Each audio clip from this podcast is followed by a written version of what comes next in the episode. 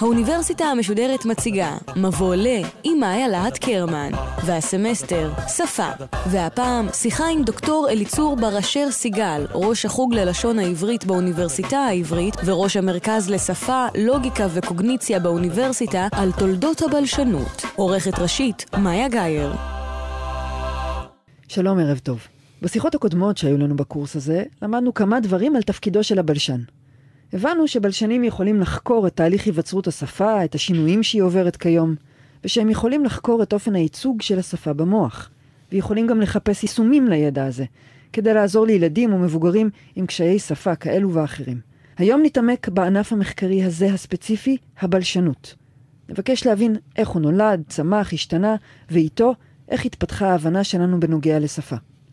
היום יהיה איתנו דוקטור אליצור בר אשר סיגל. הוא ראש החוג ללשון העברית באוניברסיטה העברית, ראש המרכז לשפה, לוגיקה וקוגניציה באוניברסיטה, עוסק בבלשנות כללית ושמית, חוקר עברית וארמית, מתעסק בשאלות של סמנטיקה לצד בעיות היסטוריות, ולצד העיסוקים הללו, בר אשר סיגל מתעניין בתולדות הבלשנות, בשאלות עקרוניות של מדעיות בתחום הבלשנות לדורותיו, ובמיוחד בהתהוות הדיסציפלינה הזאת, ועל כך כמובן נרחיב בהמשך.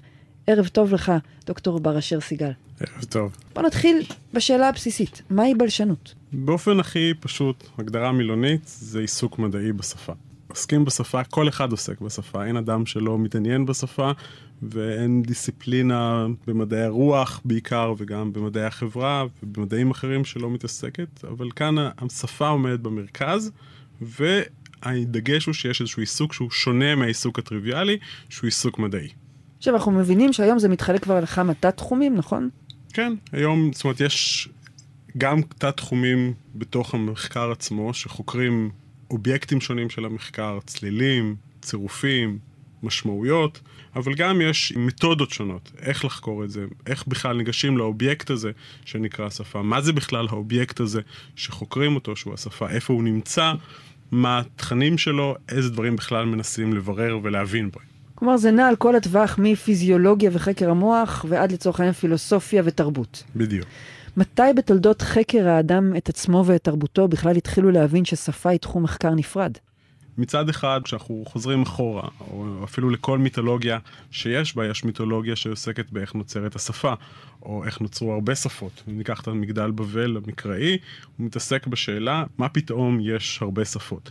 אז תמיד התעסקו בשפה, והפילוסופים היוונים והעולם הרומי כולו התעסק בדבר הזה. אז מצד אחד, מרגע שאדם מודע לעצמו ומודע לעובדה שהוא מדבר שפה, והוא יותר מזה, הוא מודע לזה שלא כולם מדברים את השפה שלו, שזה בדרך כלל מה שמטריד אנשים, למה לא כולם מדברים אותו דבר, אז יש עיסוק בזה, אבל מצד שני, דווקא העיסוק המדעי כדיסציפלינה ששמה את השפה בתור האובייקט של המחקר, דווקא העיסוק הזה הוא יחסית, הוא מדע יחסית צעיר, שיש לו גם פחות או יותר יום הולדת. זאת אומרת, אנחנו יודעים מתי זה קרה, אנחנו יודעים מתי אנשים התחילו לחשוב שיש דבר כזה, ששמים את השפה בתור האובייקט שאותו חוקרים בפני עצמו.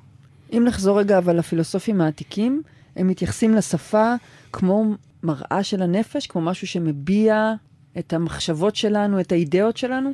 אז המשפט שאמרת הוא משפט של לייבניץ, שפחות או יותר אמר שהשפה היא המראה של הנפש, ושזה הדרך הטובה ביותר שלנו להגיע לנפש. וזה משהו שנמצא בעצם, הולך אחורה בזמן מאז אריסטו ואפלטון. בעצם אם אנחנו נדבר על איך למדו את השפה לפני שחקרו אותה בתור בלשנים, וזה מאוד חשוב, ואולי גם בהמשך נבין למה זה מאוד חשוב, אז בעצם יש שתי קבוצות שחוקרות את השפה. הקבוצה האחת היא באמת הפילוסופים, כשהפילוסופים בעצם מתעסקים בשפה בכמה צורות. באופן הראשון, זה בשאלות של מהי השפה, איפה היא מתחברת ביחסים בין גוף ונפש. כן, בערך אלפיים שנה מתווכחים האם השפה מצד אחד היא שייכת לגוף, כי זה מה שאנחנו עושים, אנחנו מנפיקים אותה בעזרת איברי הדיבור שלנו, זה דבר גשמי, אבל מצד שני זה הכלי שבו אנחנו חושבים, ולכאורה זה שייך לנפש, אז אה, חצי מהפילוסופים שמים אותה בנפש, חצי שמים אותה בגוף, וחצי שמים אותה בחיבור בין הגוף לנפש. אז זה סוג אחד של שאלות, או שאלות של בעצם האם השפה היא טבעית, זו שאלה שהעסיקה את אפלטון והעסיקה אחרי זה את אריסטו. האם היחס בין המסמן והמסומן, זאת אומרת בין ה, נגיד המילה עץ לבין האובייקט בעולם שהוא פיזי, האם קיים יחס שרירותי ביניהם או שיש קיים יחס טבעי. אז כל השאלות האלה הן שאלות שפילוסופים עסקו בהן. ועוד סוג אחר של שאלות. רגע לפני הסוג השני, סליחה, המסמן והמסומן, אם תוכל רגע להיעצר על זה ולהסביר במה מדובר? אז באופן כללי אנחנו, כשאנחנו מדברים, השפה היא ייצוגית. יש בה אלמנט של ייצוג. זאת אומרת, כשאני אומר לך שולחן, אני בסך הכל הנפקתי רצף של צלילים מסוים. או אם אני כותב את זה עכשיו, של"ח נ', אני ייצגתי משהו, ייצגתי את הדרך שבה אני אומר את זה.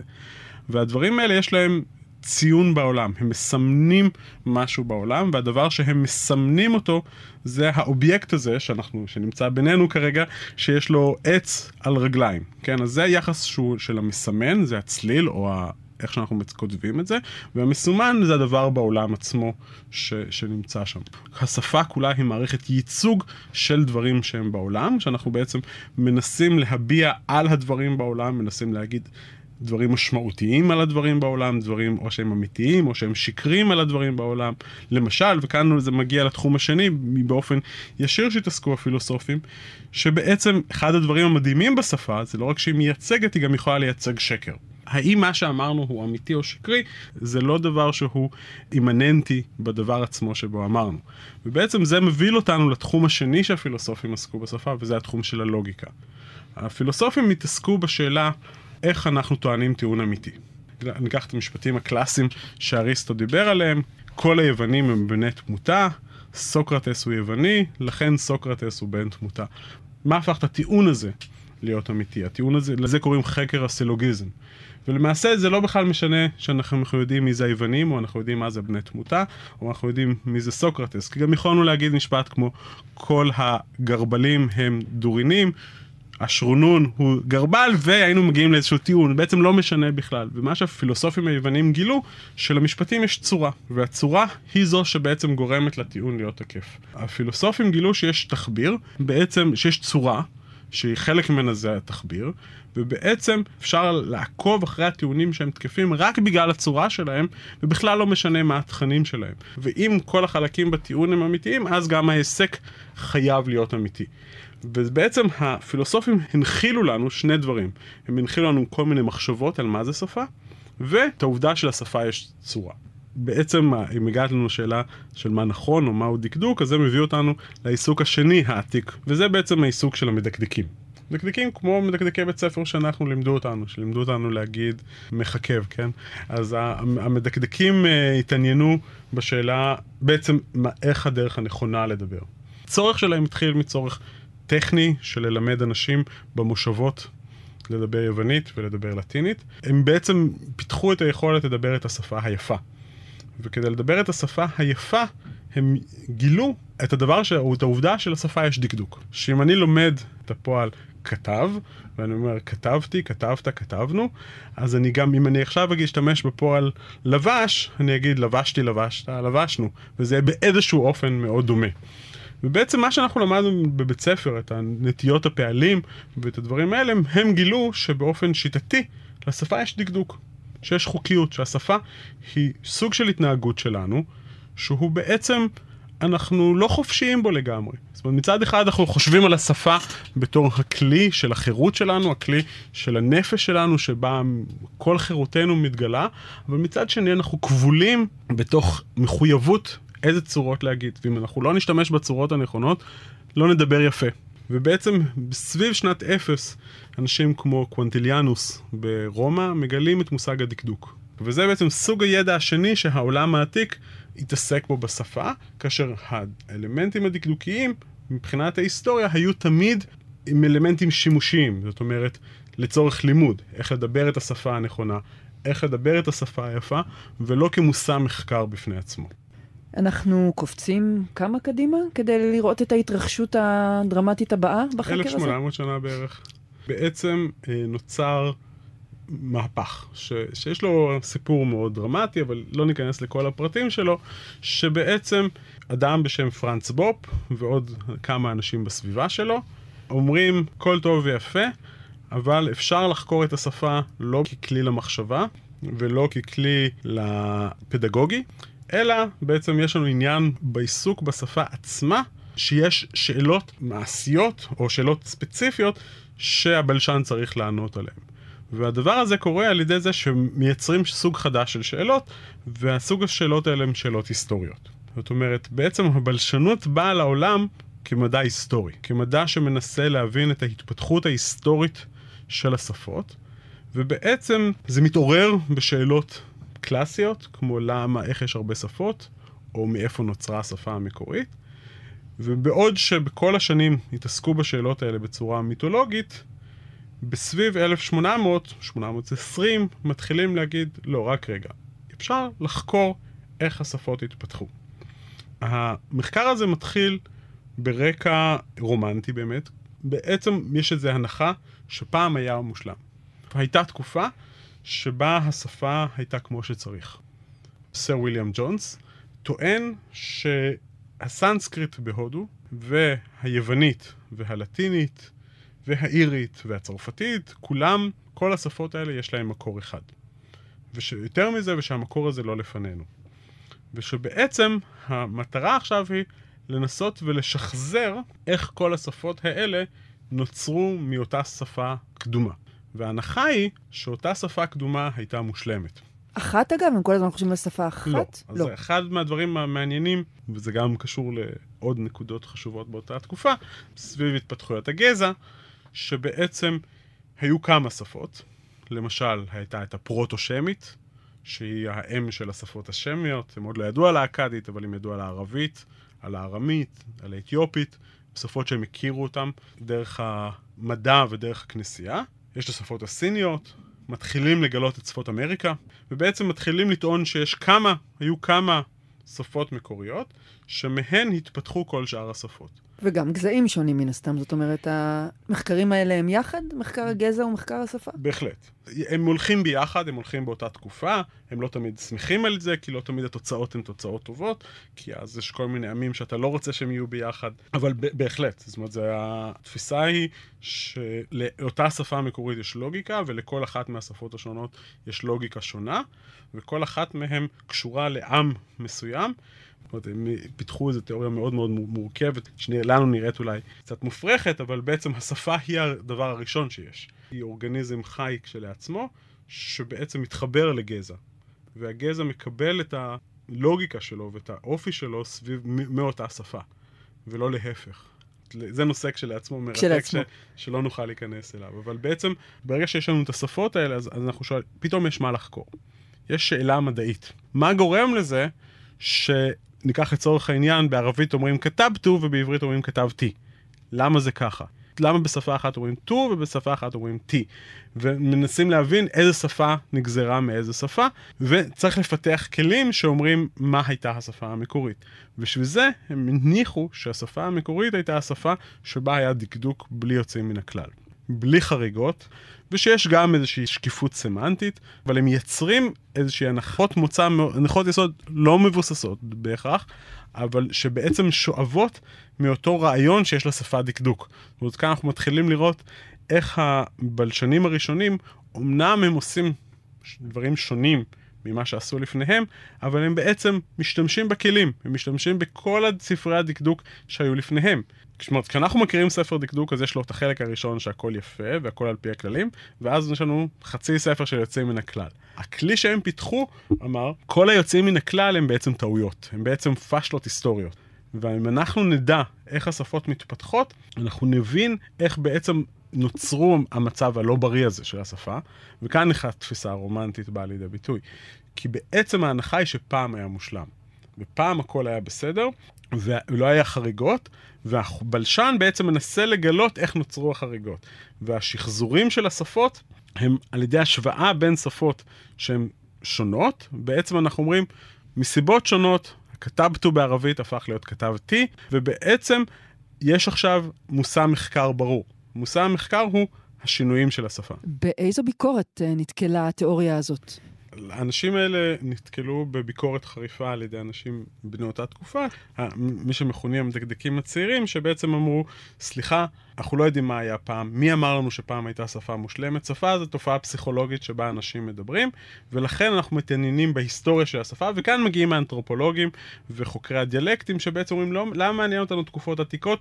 אנחנו צריכים להתעסק באיך שאנשים מדברים, ולחקור את ההתפתחויות, לא מעניין אותנו מה היה בעבר, כל השפות הן אותו דבר, ולהפך, אנחנו צריכים לגשת לאנשים שהם מדברים היום, ולראות את השינויים שקורים בין הדיאלקט הזה לדיאלקט הזה, זה צריך להיות מושא המחקר.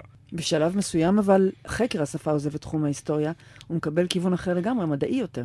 מדעי זה מושג טעון, אבל הוא עובר לתחום אחר. זאת אומרת, ברגע שאנחנו מכניסים את המושג הפסיכולוגי, לא ברור באיזה מובן ההיסטוריה משנה. כי פסיכולוגיה זה אדם ברגע נתון, בזמן נתון, ובעצם לא ברור בכלל באיזה מקום יש להיסטוריה, וכאן אנחנו בעצם מגיעים לדמות מרכזית בתחום הזה, לפרדיננד דה ססיור, הבלשן השוויצרי, שהוא בעצם אומר, רק רגע, אם כשמתעסקים בהיסטוריה, מתעסקים בהיסטוריה, אבל כשמתעסקים בפסיכולוגיה, לא מעניין אותנו השאלה ההיסטורית יותר. ובעצם, מה שמעניין אותנו זה מה יש לאדם שמדבר את השפה בראש. וכאן בעצם קורה המפנה הגדול מסיבות שונות, שבעצם מעבירות את השפה את חקר השפה לחקר הפסיכולוגיה. כן, הוא מחזיר במובן הזה אבל חלק מהמושגים של היוונים, נכון? משום שהם דנו בנפש ודנו במציאות הפנימית של השפה בנו, אז הוא פשוט מחזיר את זה לתקופה המודרנית ואומר בוא נדון בזה שוב באיזשהו אופן. בדיוק, בדיוק. בעצם דססור במידה רבה הוא מחזיר להרבה אלמנטים ממה שהיה. הוא מחזיר אותנו להתעסק במסמן והמסומן, שדיברנו עליהם מקודם אצל היוונים, והוא בעצם עוסק בשאלה מה, איך נוצר החיבור הזה בין המסמן והמסומן, ובעצם הוא מכניס כמה אלמנטים שמכאן והלאה הם עומדים במרכז הבלשנות.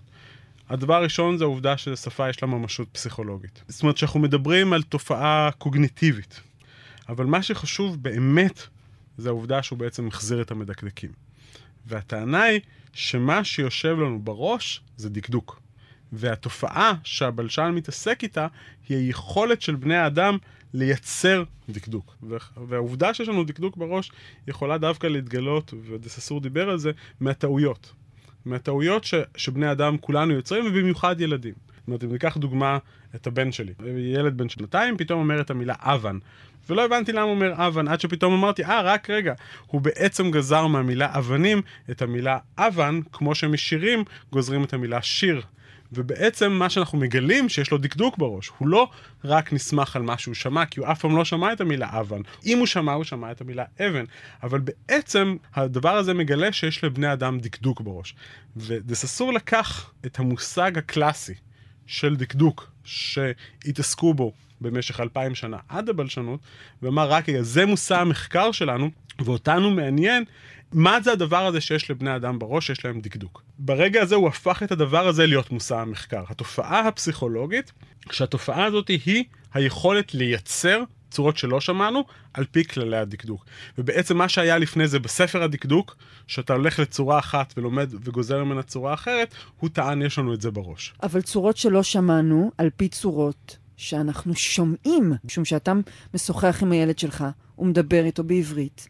בדיוק. יש לו את זה בראש או שהוא שומע את זה ממך? הטענה של דססור הייתה שמה שיש לנו זה, זה כושר לימוד כללי, שהוא לדמות דברים. שהדקדוק הוא בעצם אוסף של אסוציאציות. שכמו שאנחנו יודעים לאסוף דברים שונים ולגלות שהם כולם דומים אחד לשני והם שולחנות, למרות שהם לא נראים אותו דבר, אז ככה גם אנחנו מגלים שיש קשר בין כתבתי לשמרתי, לנסעתי, לאכלתי, שהם כולם גוף ראשון.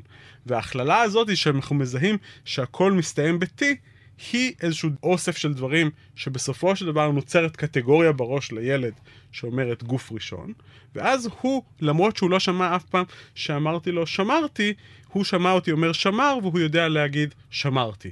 באותו רגע הוא הצליח לזהות את הדמיון בין הצורות ולייצר דקדוק.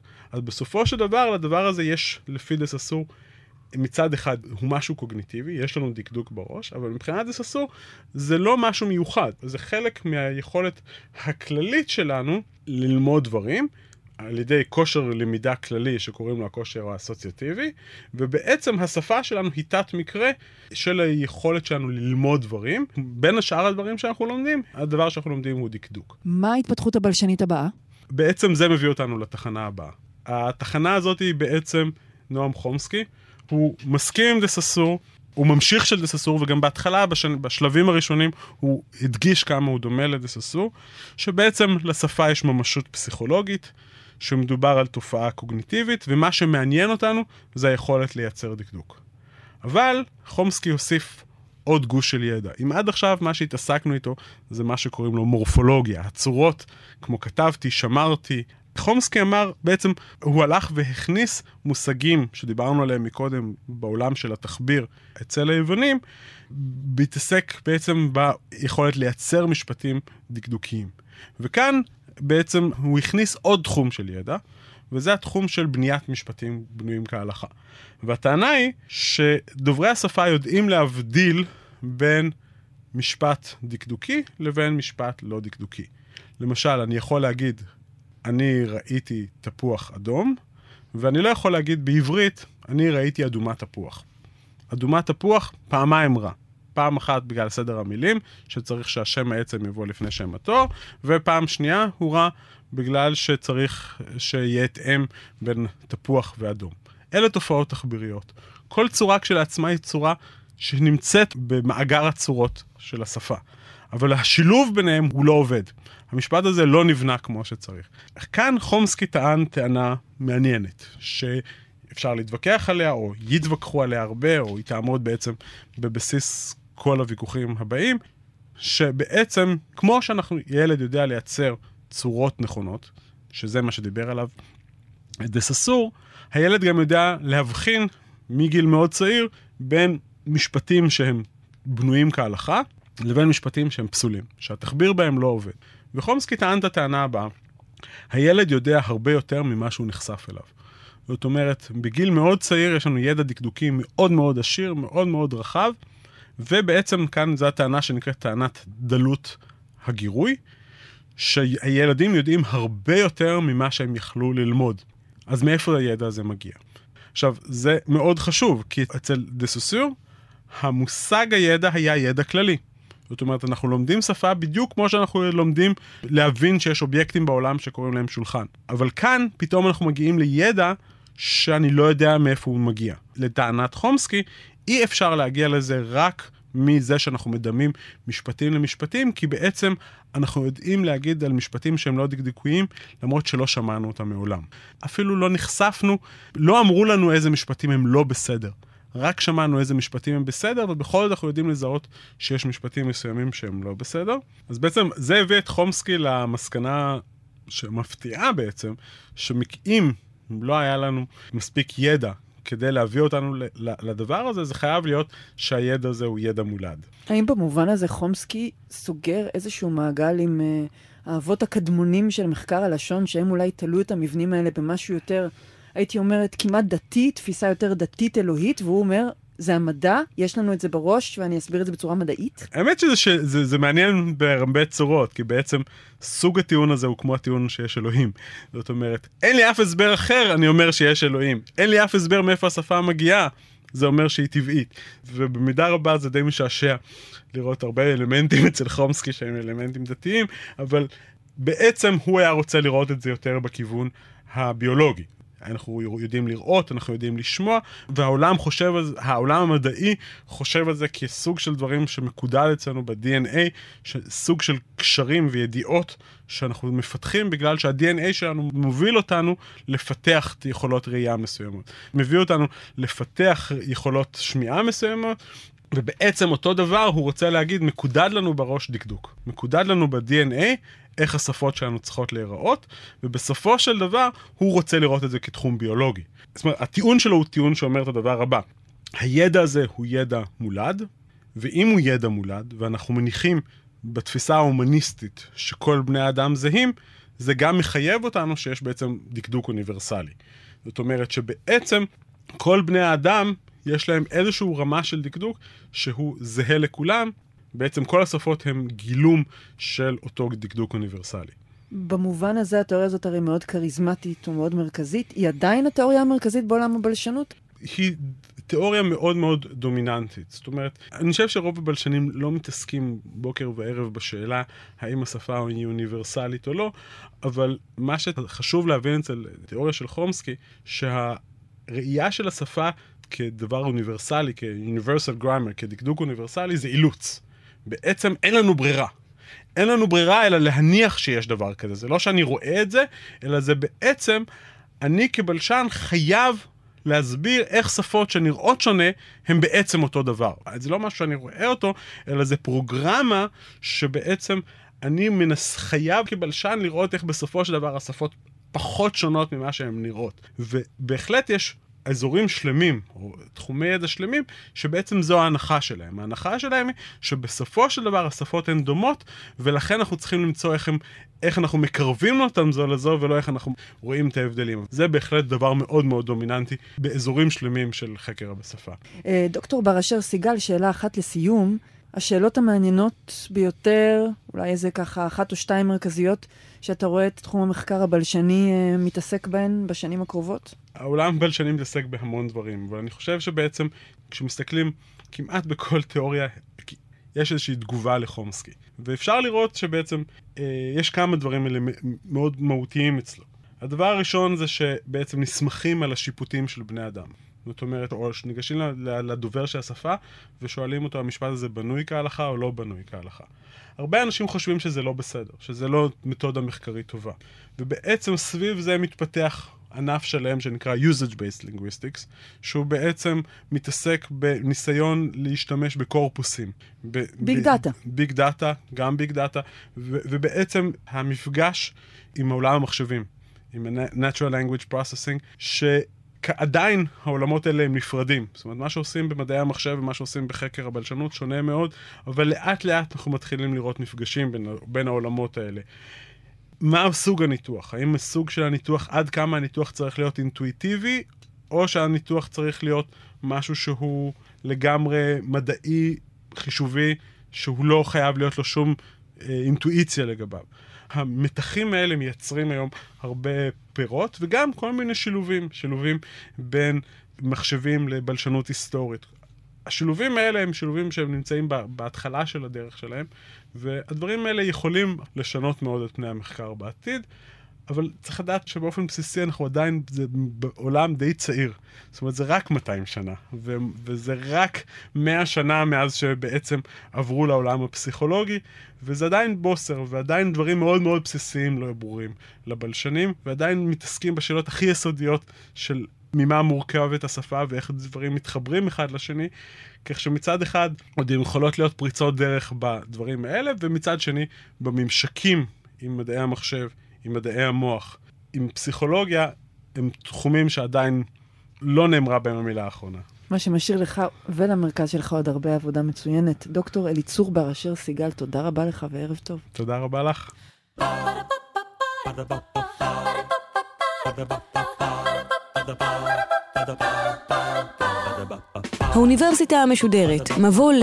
מאיה להט קרמן שוחחה עם הדוקטור אליצור בר אשר סיגל, ראש החוג ללשון העברית באוניברסיטה העברית וראש המרכז לשפה, לוגיקה וקוגניציה באוניברסיטה על תולדות הבלשנות. עורכת ראשית, מאיה גאייר. עורכות ומפיקות, מיקה נחטיילר ויובל שילר. מפיקה ראשית, אביגיל קוש. עורך הדיגיטל, עירד עצמון שמייר. האוניברסיטה המשודרת בכל זמן שתרצו באתר וביישומון של גל"צ וגם בדף הפייסבוק של האוניברסיטה המשודרת.